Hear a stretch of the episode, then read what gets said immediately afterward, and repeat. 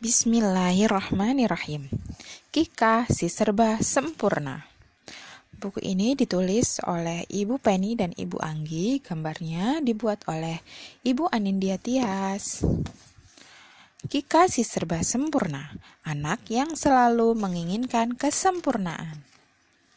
Hari ini, Kika menggambar pemandangan taman dekat rumahnya. Kika sudah mengulang gambarnya beberapa kali karena Kika ingin gambar yang sempurna. Kali ini pasti gambarnya selesai. Tapi sepertinya ada yang aneh lagi dengan gambar Kika. Yuk kita cari bersama. Kira-kira gambar apa ya yang aneh? Matahari. Oh, oke, okay. kita lanjutkan.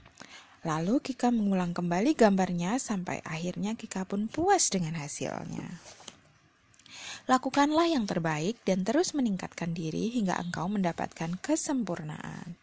Selesai, alhamdulillah.